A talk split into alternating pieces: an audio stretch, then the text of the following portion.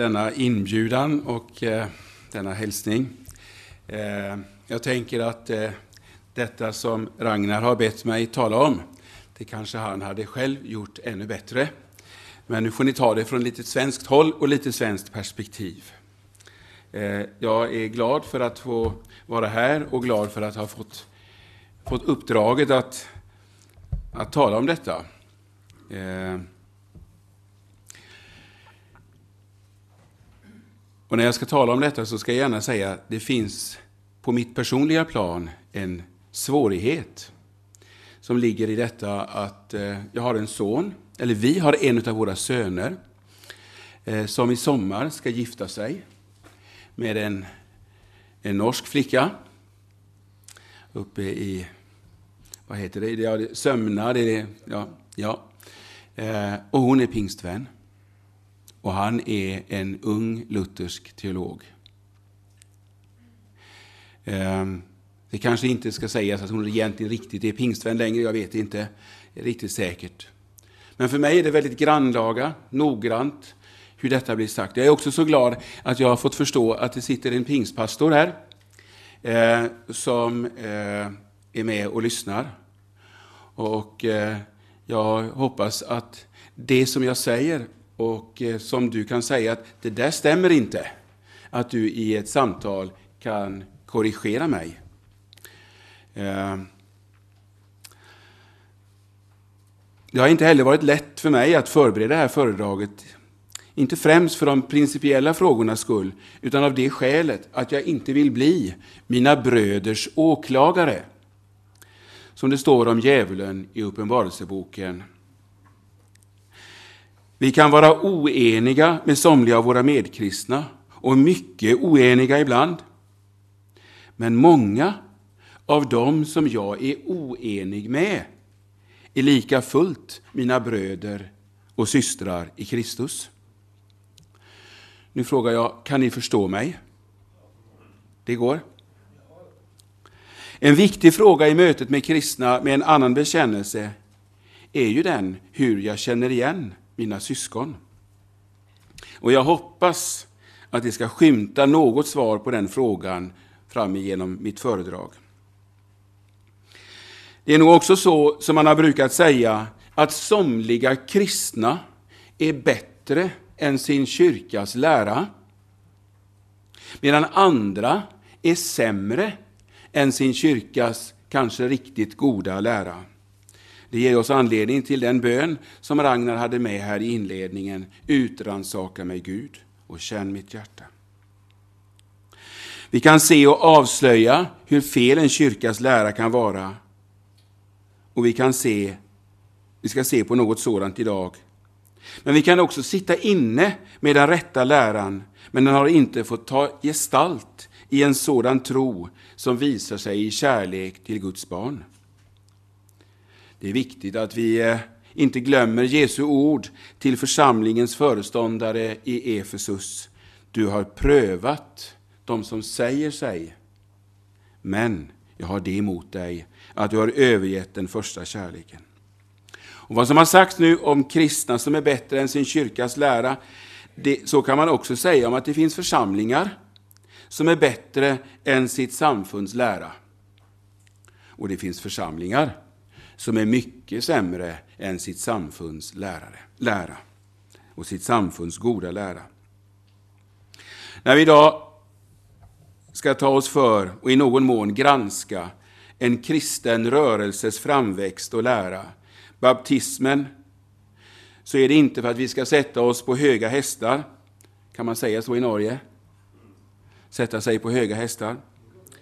Utan av två skäl. Dels ska vi få nöd för dem som lider av bristfull lära och dels för att se riskerna och avvägarna och få hjälp att bli bevarade i den sunda läran. I spåren av reformationen växte baptismen fram. Och vi ska först se på några historiska linjer Baptismens och pingströrelsens rötter och översiktliga historia ska jag ge ett litet perspektiv på. Och mycket av detta är hämtat ifrån en norsk bok som du har naturligtvis i din bokhylla, Mollands konfessionskunskap. Baptister hävdar gärna att baptismen börjar i Schweiz 1525, där den svingrianske prästen Balthasar Hopmeier 1485 till 1528 räknas som en av baptismens fäder. Hopmeier kom från Bayern i södra Tyskland och studerade teologi i Augsburg, där han också blev lärare och senare vigd till präst i den romersk-katolska kyrkan.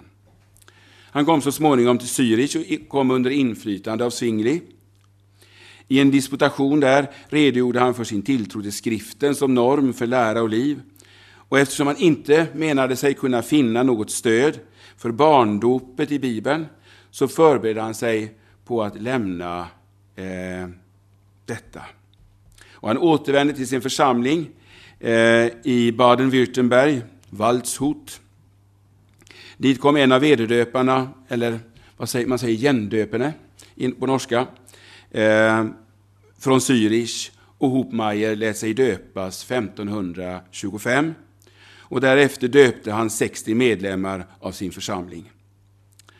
Detta ledde till en rad politiska förvecklingar och han måste fly.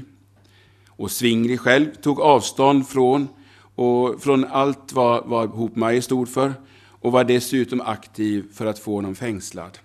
Han blev frigiven men flydde till Nikolsburg i södra Tjeckien men blev 1527 fängslad i Wien och avrättad 1528 och bränd på bål. Och en tid därefter dödades också hans hustru genom att man band en sten om hennes hals och hon dränktes i en flod.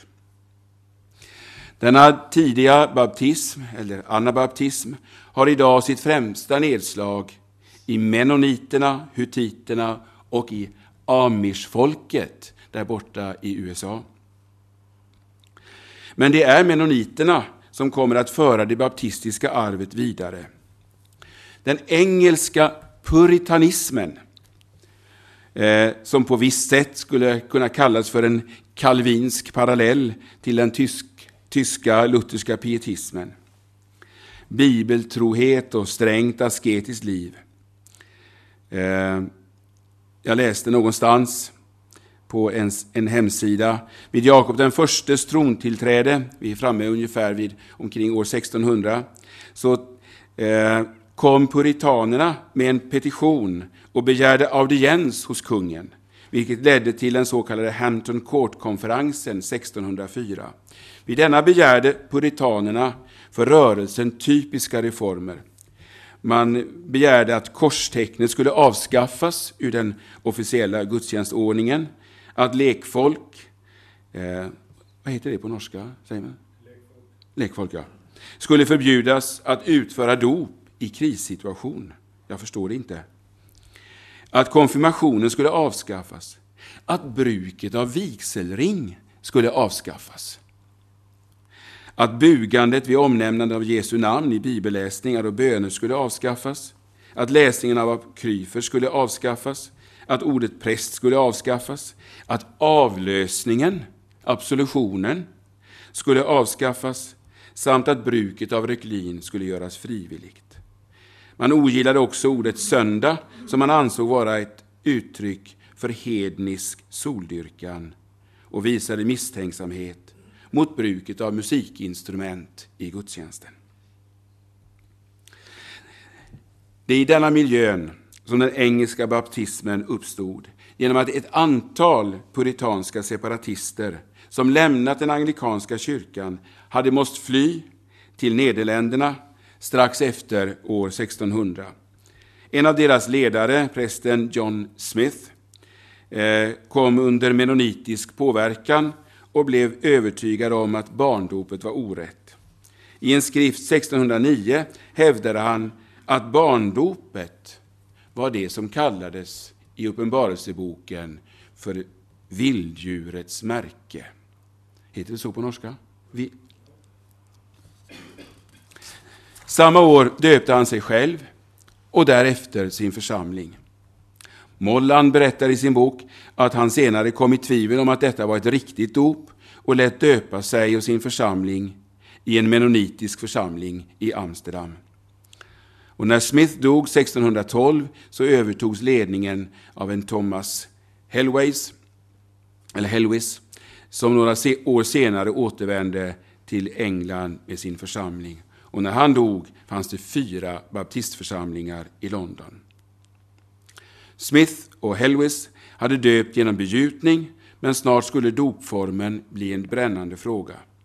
Genom nya förbindelser med nederländska eller gendöpare blev nedsänkning den enda gällande dopformen och, som de flesta dop, och, och, förlåt, och de flesta dop gjordes om. I en trosbekännelse antagen av sju baptistiska Londonförsamlingar förklarades neddoppning som den enda giltiga dopformen och har sedan dess varit baptisters ståndpunkt.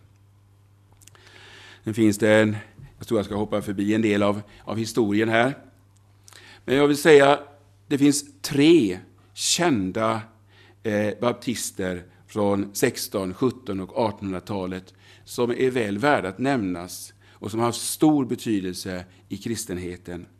Den första är John Bunyan, han som skrev Kristens resa. Pilgrims vandring. Okay. Ja.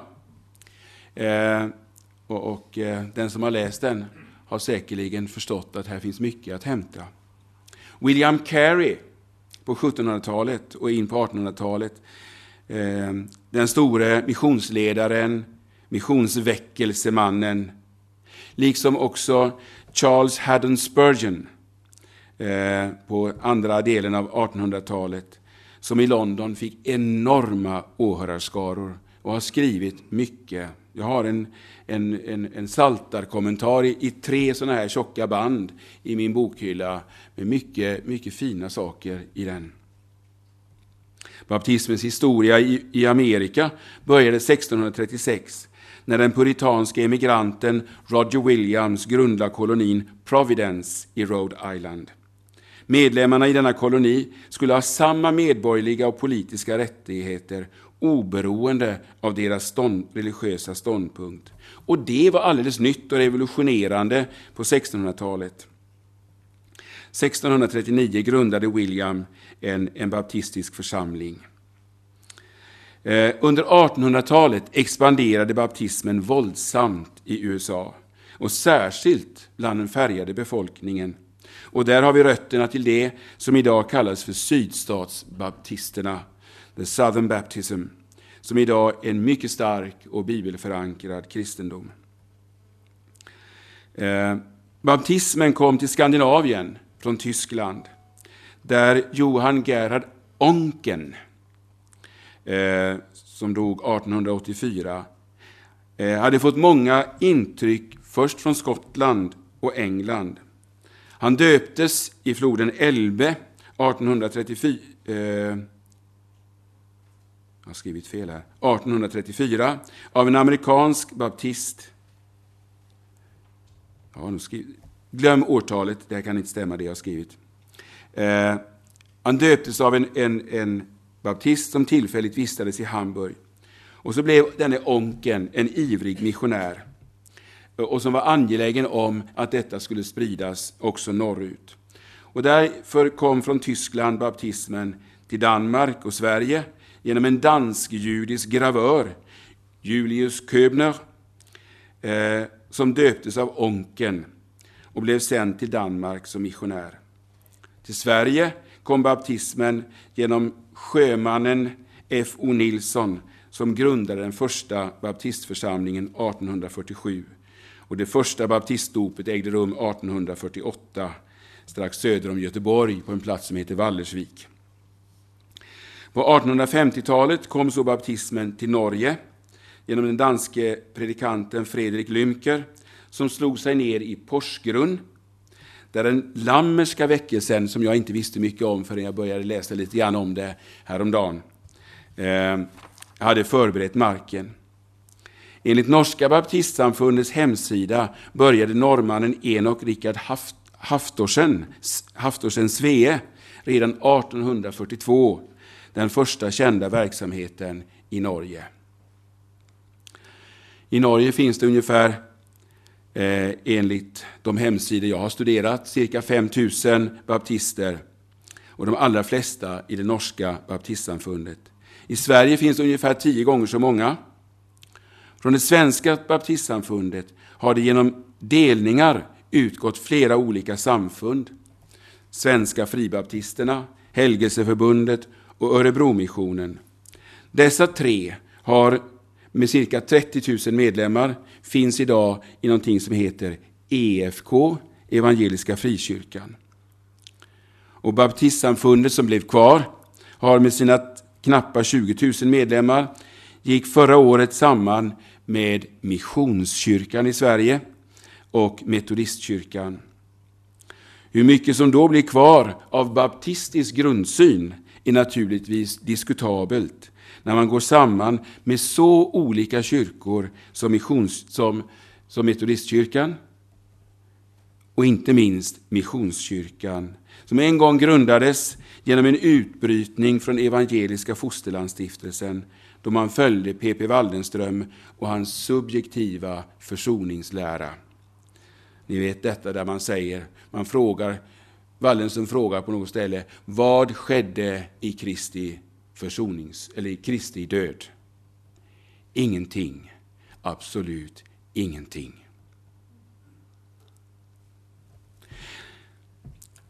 Till Norge kom pingstväckelsen genom Thomas Ball Barrett. Det måste vara ett engelskt namn, eller ett skotskt namn. Nej, förlåt, han är engelsman. Eh, född 1862 i Cornwall. Han var metodistpastor och genom en andlig kris på en resa i USA upplevde det som pingstvänner kallar för anddopet. Han återvände till Norge och hans mötesverksamhet i Oslo väckte enorm uppmärksamhet, motarbetades kraftigt från många håll.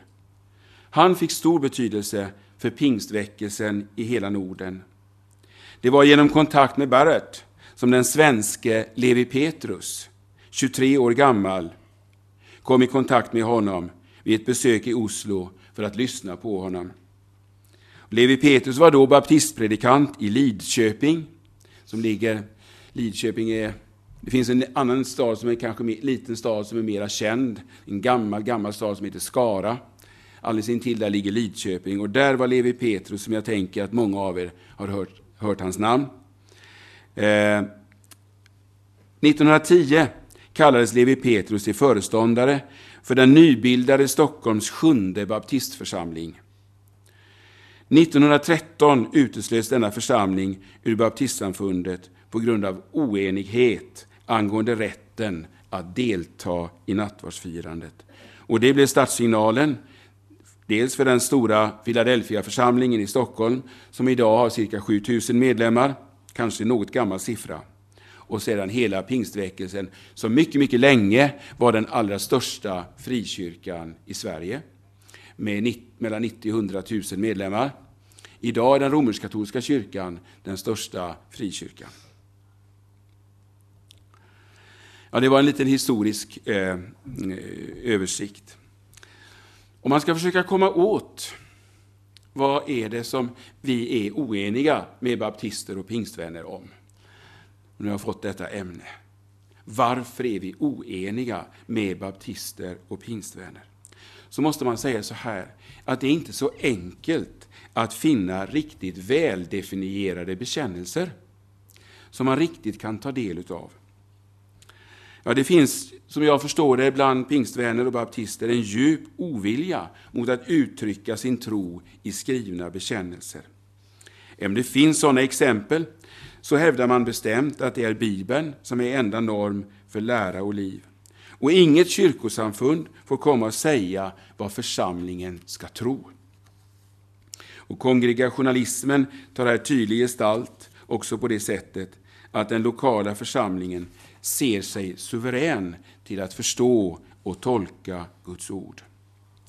Men vill man försöka finna bekännelser och liknande så, så har det för min del främst blivit genom olika hemsidor där baptistiska samfund och pingstvänsamfund presenterar sin tro så har jag kunnat finna vissa uttryck. Samtidigt är dessa presentationer så kortfattade och ibland kanske eh, så populärt hållna, eller kanske skulle jag vilja säga populistiskt hållna, att det är svårt att veta hur heltäckande och egentligen, om jag får säga det så ibland, sanningsenligt det är. Den eh, kanske bästa heltäckande eller sammanfattande presentationen av sin tro och bekännelse eh, har Evangeliska Frikyrkan, EFK, på sin hemsida i ett 18 sidors dokument om samfundets tro och självförståelse. Det är många församlingar som också hänvisar, likt EFK, till Lausanne-dokumentet och Manila-manifestet som är, ni vet, sådana här, vi brukar kalla det för evangelikala eh, manifest som, som kom till 1974 respektive 1989 och som handlar om, om ska säga, evangelikal missionsstrategi. Men dessa är mycket fragmentariska vad gäller läran, utan är främst dokument om församlingarnas ansvar att driva evangelisation och mission. Jag ska gärna säga när jag har hållit på med och, och arbetat med detta, att jag ibland har känt mig lite skamsen över att där jag befinner mig, att vi, att i, eh, inte minst bland pingstvänner, så, så finns det en, en ibland betydligt större angelägenhet om att föra evangeliet vidare än bland dem som är mina vänner. Och det säger jag till vår skam. Flera pingstförsamlingar hänvisar också till ett gemensamt uttalande av Europeiska pingstgemenskapen, Pentecostal European Fellowship, som i tio punkter sammanfattar pingstvänners tro och bekännelse och som till största delen också är gemensam med baptisters idag. Och de tio korta punkterna ska jag läsa upp, för de säger någonting. 1. Vi tror på Bibeln som Guds inspirerade ord det enda ofelbara och auktoritativa ordet. 2. Vi tror att det finns en Gud som funnits i evighet i tre personer, Fadern, Sonen och den helige Ande. 3. Vi tror på vår Herre Jesu Kristi gudom, på hans jungfruliga födelse, hans syndfria liv, hans under, hans ställföreträdande och försonande död genom hans utgjutna blod, på hans kroppsliga uppståndelse, hans uppstigande till Faderns högra sida och på hans personliga återkomst i makt och härlighet. Vi tror att för den förlorade och syndfulla människan är pånyttfödelse genom tro på Jesus Kristus absolut nödvändig. 5. Vi tror att troendedopet genom nedsänkning i vatten är i enlighet med skriften. 6. Vi tror på dopet i den helige Ande bevittnat genom tungotal och uttryckt i andliga gåvor och tjänster. 7. Vi tror på den helige Andes tjänande och inneboende som möjliggör för kristna att leva ett gudfruktigt liv. 8. Vi tror på både de frälstas och de förlorades uppståndelse, de frälsta till evigt liv och de förlorade till en fördömelsens uppståndelse. 9. Vi tror på Jesu Kristi kyrka och på de troendes enhet. Och 10. Vi tror på den kristna trons praktiska utövande i vardagslivets erfarenheter och nödvändigheten att tjäna människor på livets varje område.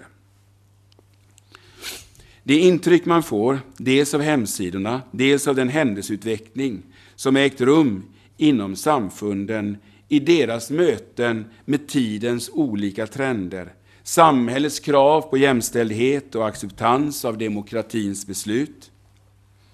Eh, att somliga samfund och grupperingar med större, med, med stor smidighet och lätthet följer med tidens utveckling och anpassar sin teologi. I Sverige är det tydligaste exemplet Svenska baptistsamfundets samgående med Missionskyrkan. Och här, i den kyrkan, finns hela den moderna livsstilen med full jämställdhet och full acceptans av utövande, förlåt, acceptans av utövad homosexualitet. Åtminstone inom de ledande församlingarna och samfundets styrande organ. Också här gäller det jag sa i inledningen, att det finns de kristna som är mycket bättre än sina samfund eller sin kyrkas lära. Och många förs somliga församlingar är också mycket bättre. Andra församlingar eller samfund visar tydligare tecken på att vilja hålla fast vid den tro och bekännelse man har haft. Som till exempel Evangeliska Frikyrkan och dess ledare Stefan Svärd har där i många avseenden varit ett, ett föredöme. Jag vill nu gå in på några olika konkreta punkter i, där, vi, där jag menar att vi är oeniga. Första i bibelsynen. Normalt ger man uttryck på olika de bekännelsesammanhang man, man läser i, på hemsidor och på andra ställen. En stor tilltro till Bibeln som Guds ord och som den enda normen för tro, lära och liv. Det är Guds uppenbarelse. Det som vi läste i, nyss i den här pingstförklaringen. Vi tror på Bibeln som Guds inspirerade ord. Det enda ofelbara och auktoritativa ordet. Man hävdar att allt är Guds ord och allt är lika giltigt. Men det intryck man som, som evangelisk-luthersk kristen får, ibland åtminstone, är att man ändå väljer ut några särskilda områden som det viktigaste. Det är utan tvekan så att frälsningen i Kristus står där som något avgörande, men tenderar i många dokument att träda tillbaka för, för andeupplevelser och annat. Det är med Kristi försoning i dessa, på somliga ställen, det är som en självklarhet, men som inte betonas och träder i bakgrunden. Den lutherska skriftförståelsen med Kristus som skriftens kärna och stjärna är nog inte signifikativ för, vad ska jag säga, så som dessa rörelser träder fram idag. Även om jag tänker att det finns många som, som ja, ni förstår att jag är väldigt angelägen om att säga att det finns många som är bättre än sin kyrkas lära. I teorin håller man allt för lika viktigt. Men ser man på dokument på olika hemsidor så är det nog två frågor som ständigt står i fokus. Och det är inte bara bland pingstvänner, utan också till exempel inom EFK, om man nu får välja på den svenska sidan. Och Det handlar om andedopet och andens gåvor. Och den, andra handlar om vittnesuppgiften och församlingens expansion. Baptister eh, som ju är genom sitt namn borde vara upptagna med frågan om dopet. Där spelar dopet egentligen inte så stor roll. Kristi återkomst har förr varit bland pingstvänner en mycket viktigt predikoämne, men intrycket man får är att detta har i hög grad försvagats. Vi återkommer till detta. Ingen bekännelse finns som ger riktlinjer för hur man ska läsa och förstå skriften. Och varje församling är i princip suverän och myndig till att läsa som man själv önskar. Den fråga som i luthersk skrifttolkning är av avgörande betydelse är Guds ord som lag och evangelium. Det är kategorier som är sällsynta bland baptister och pingstvänner. Även om många predikande bröder som håller sig till Guds ord och vill vara trogna det, i realiteten kommer att förkunna lag och evangelium, så är eh, det sättet att tänka om Guds ord. Vi kommer tillbaka också till detta med Guds ord som nådemedel. Det med att tänka det som lag och evangelium mer eller mindre främmande. Några saker om människosynen, människan. Den grundfråga som i realiteten gör att vi blir oeniga är nog främst frågan om människan. Vi är, vi är eniga om att människan är skapad av Gud, att människan är skapad till Guds avbild. Men när vi kommer in på frågan om fallet och dess konsekvenser så bryts synsätten. Enligt luthersk förståelse så är människan efter Adam född med både arvsskuld och arvsynd.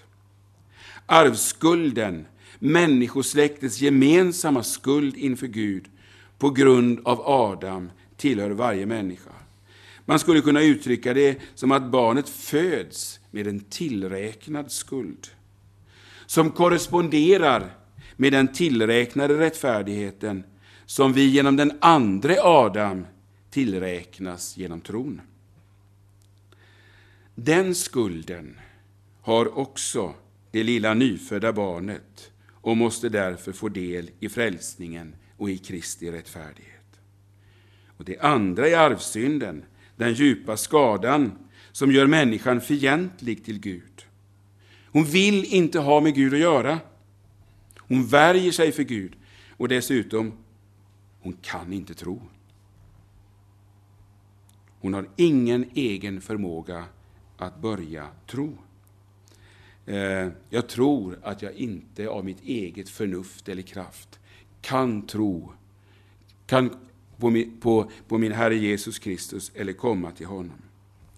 Den något spretiga bild av baptismens och pingströrelsens människosyn skiljer sig nu från detta. Normalt anser man inte att barnet har någon skuld. Det har inget sådant arv och därför behöver inte barnet frälsas. Man medger dock att det finns en skada i människan som, för att uttrycka det med EFKs trosdokument, tar sig uttryck i en kluvenhet mellan gott och ont. Det framskymtar ingen förståelse för Luthers ord, som jag nyss citerade ur, ur förklaringen till tredje artikeln, att jag tror att jag mitt eget förnuft eller kraft, tror att jag inte kan tro. Jag tror att jag inte kan tro. Det gör att förkunnelsen kan appellera till människans vilja och uppmuntra till att fatta avgörande beslut. Saken som ligger i det här lutherska begreppet som jag tänker att de flesta av er har hört, även om inte vi ska liksom hålla på med latinska uttryck, simul justus et peccator. På en gång syndare, förlåt, på en gång rättfärdig och syndare blir något främmande i baptistisk tro. Oftast betraktas inte hjärtats fula tankar och människans inre orenhet som synd. Så ser det i vart fall ut. Och jag skulle gärna låta mig rättas idag av min broder här borta. Eh, och naturligtvis, om igen, det finns stora skillnader i församlingarnas förkunnelse. Bibelläsande predikanter kommer i realiteten den saken in på livet på ett annat sätt än samfundens officiella och tidstillvända hemsidor. Men det tycks som att den kamp, den inre kamp som en luthersk kristen har att kämpa med sig själv, sitt eget onda jag, med köttet, i vilket djävulen har en bundsförvant, i hög grad är okänd för en baptist idag. I luthersk tro spelar den troende människans anfäktelse en viktig roll. En nöd som bara kan avhjälpas med Guds ords rätta förkunnelse och sakramenten rätt förstådda.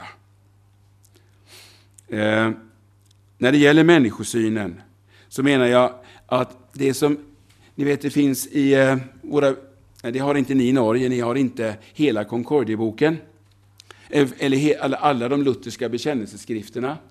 Eh, men det finns en bok där som kallas för Concordieboken, Concordieformen. Och eh, där finns mot slutet eh, ett avvisande av det som kallas för vederdöparnas falska läror.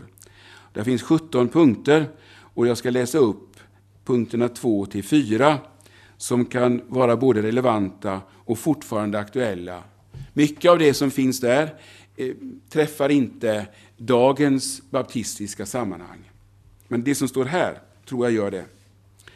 För punkten två, att de odöpta barnen, om man avvisar den läran, att de odöpta barnen inte är syndare inför Gud, utan rättfärdiga och oskyldiga, att de sålunda i sin oskuld blir saliga utan dopet, som de inte behöver. De förnekar och förkastar sålunda hela läran om arvsynden och vad därmed sammanhänger. Punkten 3. Att barnen inte bör döpas förrän de kommit till förstånd och själva kan bekänna sin tro. Och punkten 4. Att kristna barn, därför att de är födda av kristna och troende föräldrar, är heliga Guds barn även utan och före dopet, varför de varken håller barndopet i ära eller befrämjar det, något som strider mot Guds uttryckliga löftesord, som gäller endast dem som håller hans förbund och inte föraktar det. Den springande punkten här är detta. De odöpta barnen är inte syndare inför Gud, utan rättfärdiga och oskyldiga. Och i denna oskuld blir de saliga utan dopet, som de alltså inte behöver. Här är vi oeniga. Jag går lite vidare. Vi kommer tillbaka till något mer om dopet om en liten kort stund. Jesus Kristus och försoningen. Vad gäller frågan om Jesu Kristi person som den andra personen i gudomen, såsom sann människa och sann Gud, är vi inte oeniga. Att Kristi död var en försoningsdöd för alla människor, den tron delar äkta baptister och pingstvänner med oss. Och att det är Jesu Kristi, Guds sons blod, som renar från synden. Även om vår syn, om vår synd eh, förlåt, även om vår syn på människans synd skiljer sig, så är vi eniga i frågan om kraften i Kristi blod. Hans kroppsliga uppståndelse på tredje dagen, hans himmelsfärd och hans ankomst i härlighet på den sista dagen, där är vi också eniga. Även om man nog måste säga att detta inte är det som, träder, det som liksom träder, framträder i fokus idag. Och i takt med kyrkornas sekularisering har den, på den här punkten har på den här punkten fokus flyttats från förkunnelsen av Kristus till förkunnelsen av Andens dop och församlingens växt. Man bekänner Kristi tillräknade rättfärdighet genom tron på Kristus, men vågar sätta fråg sätta fråget jag vågar sätta frågetecken för en djupare förståelse av detta, som jag menar är trons allra innersta hemlighet. Nu kommer jag till någonting som jag menar är, och är väldigt viktigt, och där dopet är en del. Eh, nådemedlen och tron. Ni säger nådens medel? Nådemedel. Ja. I artikel 5 i Confessio i Augsburgska bekännelsen, den om predikoämbetet, som följer direkt på artikeln om rättfärdiggörelsen genom tron, kan vi läsa För att vi ska få denna tro, alltså den rättfärdiggörande tron, den frälsande tron, så har evangelieförkunnelsen som sakramentsförvaltningens ämbete inrättats. Ty genom ordet och sakramenten såsom medel eh, såsom genom medel skänks den helige Ande, vilken hos dem som hör evangelium frambringar tron, var och när det behagar Gud. Det vill säga att det inte är för vår förtjänst skull, utan för Kristi skull, som Gud rättfärdiggör, rättfärdiggör dem som tror att de för Kristi skull upptas i nåden. För att vi genom tron skulle undfå den utlovade anden, säger Paulus i Galaterbrevet 3, och så säger, slutar den artikeln. De, för, de fördömer vederdöparna och andra som menar att den helige Ande kommer till människorna utan det utvärtes ordets förmedling genom deras egna förberedelser och gärningar. För att vi ska få denna tro, så börjar den här artikeln. Vi kan alltså inte ta den av oss själva. Därför så finns det nådemedel nådens medel, genom vilka Guds ande skapar och uppehåller tron. Och dessa medel är dels förkunnelsen och dels sakramenten. Det vill säga dop och nattvard. Det är förkunnelsen av Guds ord som skapar tron enligt luthersk bekännelse. Människan kan inte ta sig tron det är Guds ande som skapar den när vi hör ordet. när Guds ord förkunnas för oss. Det ordet måste vara där i sin helhet, med både lag och evangelium. Synden, så vi blir förskräckta. Ordet om vad Kristus har gjort. Hela hans försoningsgärning. Genom lagen ställer Guds ande människan inför Gud i hans helighet, förskräcker samvetet och skapar behov av nåd, behov av rening, försoning och förlåtelse, rättfärdighet och frälsning. För det förskräckta samvetet ska evangelium förkunnas fritt och villkorslöst och då kan Guds ande skapa tron, när det trasiga samvetet får höra om Jesu Kristi kärlek och hans blods kraft. Även om det inte är baptistisk bekännelse, så är det så det sker. Eh,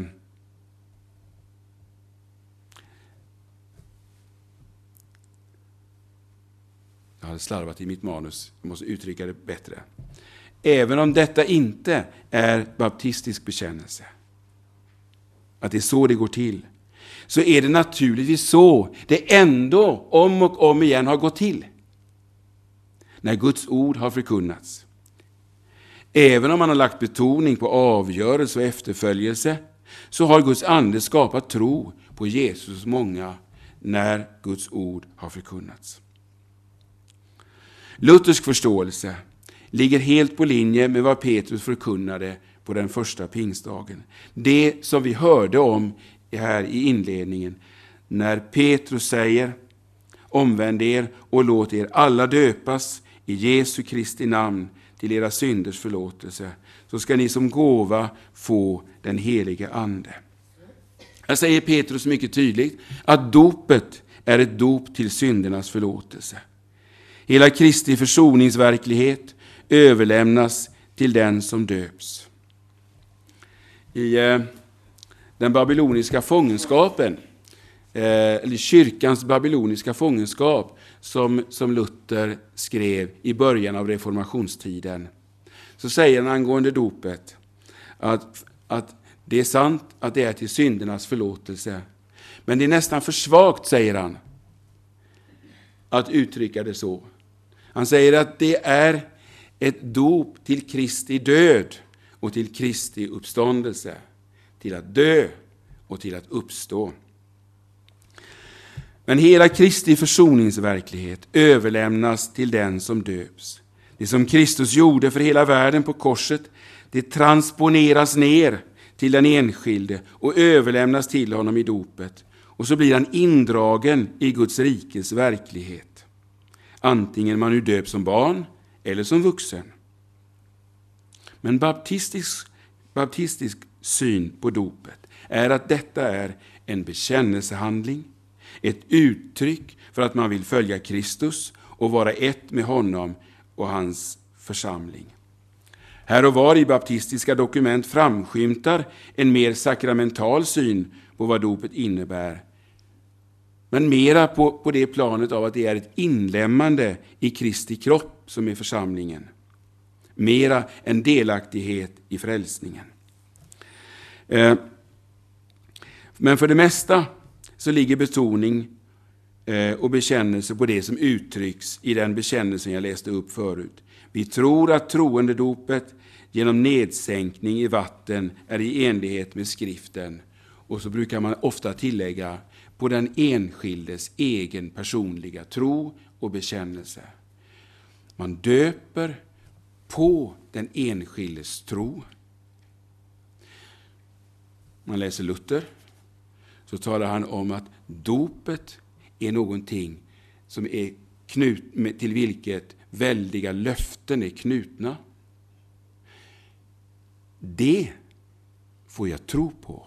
Och där dopet är tecknet på att det som Gud lovar i sitt ord, det är mitt och det gäller mig. Eh, I en svensk psalm så sjunger vi så här. Dopets nåd mig ger i tiden stöd och fäste för min tro. Jag vill nog säga att det perspektivet är främmande för den baptistiska dopsynen. I den handlar det inte om vad Gud gör med mig, utan vad jag gör och vad jag bekänner. Luthersk dopförståelse har en trygg och säker grund och fäste för tron. Jag vet att här tog han mig in i sitt förbund. Visst är det helt avgörande att tron lever hos mig för att dopet ska vara till välsignelse.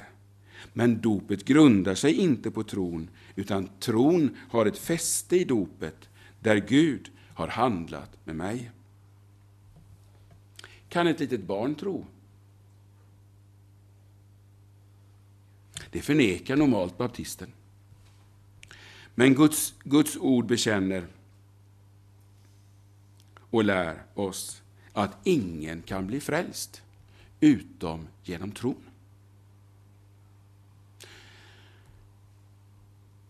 Varför dör ett litet barn ibland? Därför att det har synd. Det är född i syndens värld med den tillräknade skulden, med Adams skuld. Kan ett litet barn tro? Om inte ett barn kan tro så kan det inte bli frälst. Det står att vi alla har avfallit. Att vi alla saknar härligheten från Gud.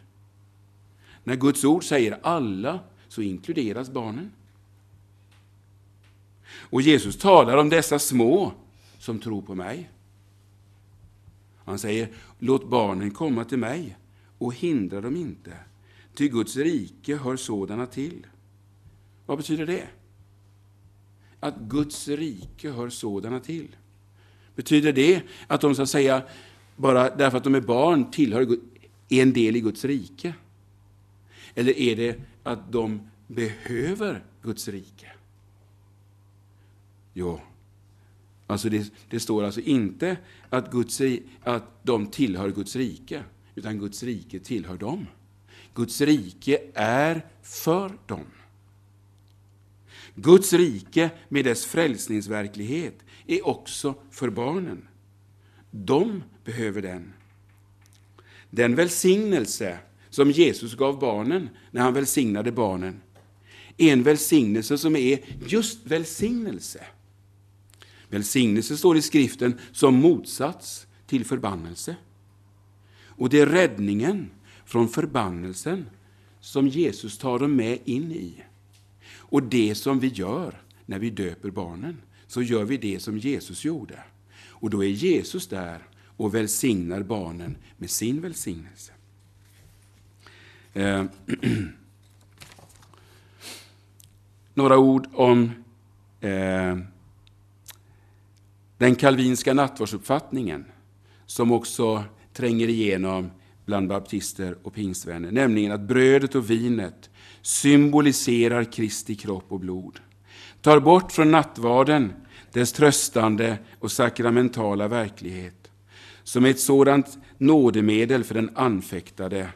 Och här bryter sig våra uppfattningar och vi fick ju ett underbart exempel från Peter Dass verser här för en stund sedan. Redan på, jag ska, nu lämnar jag den frågan. Det finns mycket, mycket att säga. Jag ska inte säga mer om detta, om nattvarden.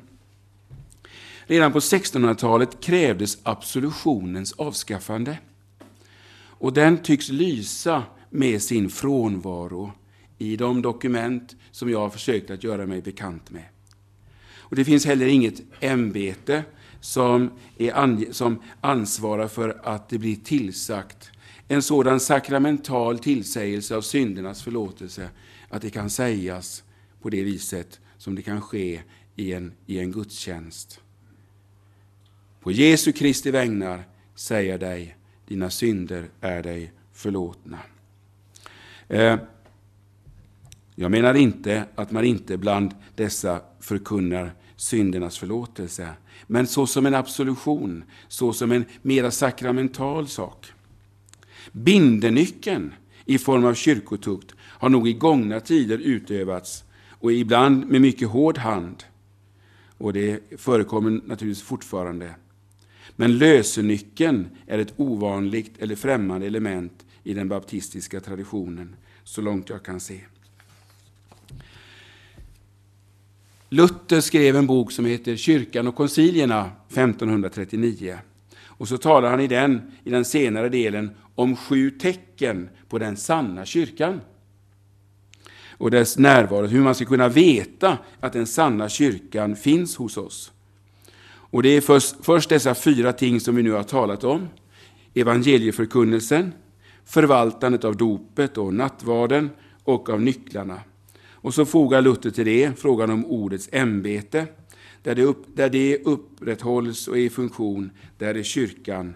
Liksom där man kan se att Guds folk samlas till bön och lovsång. Därtill kommer det sjunde kyrkotecknet, korset. Det vill säga, där Guds folk i världen och i den falska kyrkan får lida för sin tro. Och Jesus säger, saliga är ni när människorna för min skull smädar och förföljer er. Väsentliga delar av dessa kyrkotecken är alltså på något sätt ganska frånvarande bland baptister och pingstvänner. Eh, och jag menar att det verkar inte finnas någon större förståelse för de nådens medel genom vilka Gud på detta sätt skapar och uppehåller tron. Reformatorisk tro är tron på Kristus, en tro som, som är ett fasthållande vid de löften som Kristus själv har gett i sitt ord och löften och som han har liksom förbundit också med sakramenten. Och genom detta så blir tron ett fasthållande vid Kristus själv, där man får se bort från sig själv. Trons förtröstan och, vi, och visshet vilar inte på något hos mig, inte på en upplevelse hos mig, utan på det objektiva, på det som Kristus har gjort och som han genom mycket starka löften har lovat att det är mitt, som han har skänkt mig. Jag utesluter naturligtvis inte, och ni förstår ni, att det finns många baptister och pingstvänner som när allt kommer omkring bara sätter sin förtröstan till Kristi löften. Men i sin bekännelse, det som man uttrycker i texter av olika slag, så får den personliga upplevelsen som grund för, för vissheten en avgörande plats. Och för många är det i synnerhet upplevelsen av andedopet. När det gäller eh, detta det som man ibland kallar för the second blessing, en andra välsignelse. Det är inte knutet till vattendopet. Det är något som kan komma före eller komma efter.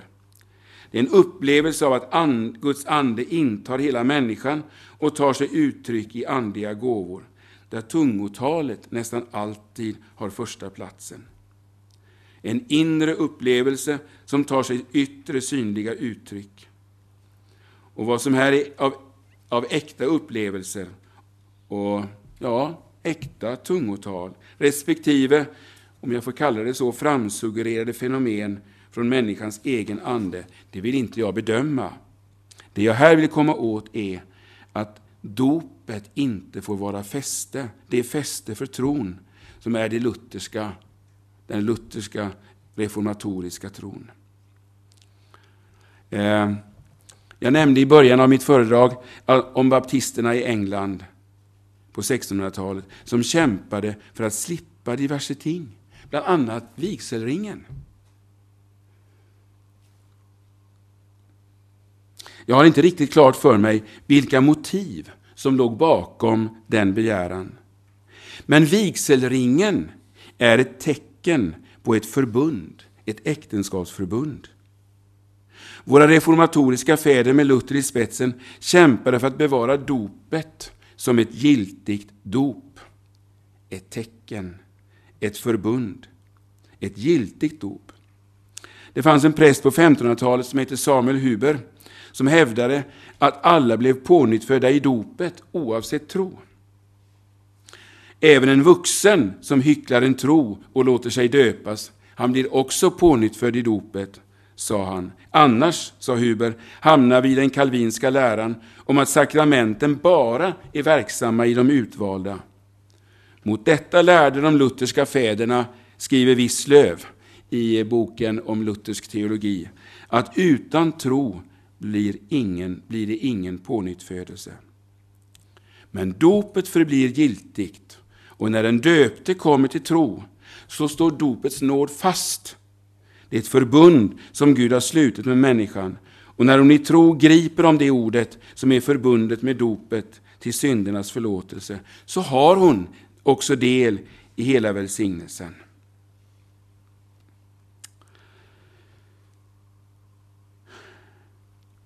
Det finns fler frågor som vi hade kunnat lyfta där vi kan vara oeniga.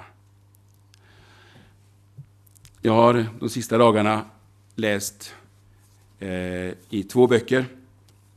Eh, dels i, i eh, Luthers eh, om kyrkans babyloniska fångenskap. Det som står där om dopet är fantastiskt. Strax efteråt skriver eh, Melanchthon eh, det som kallas för Lås i kommunes. Och där hans, hans eh, avsnitt är om dopet, där han hänvisar flera gånger till vad Luther skriver om tecken. Om tecknet med vilket Gud har knutit sitt eget starka löfte.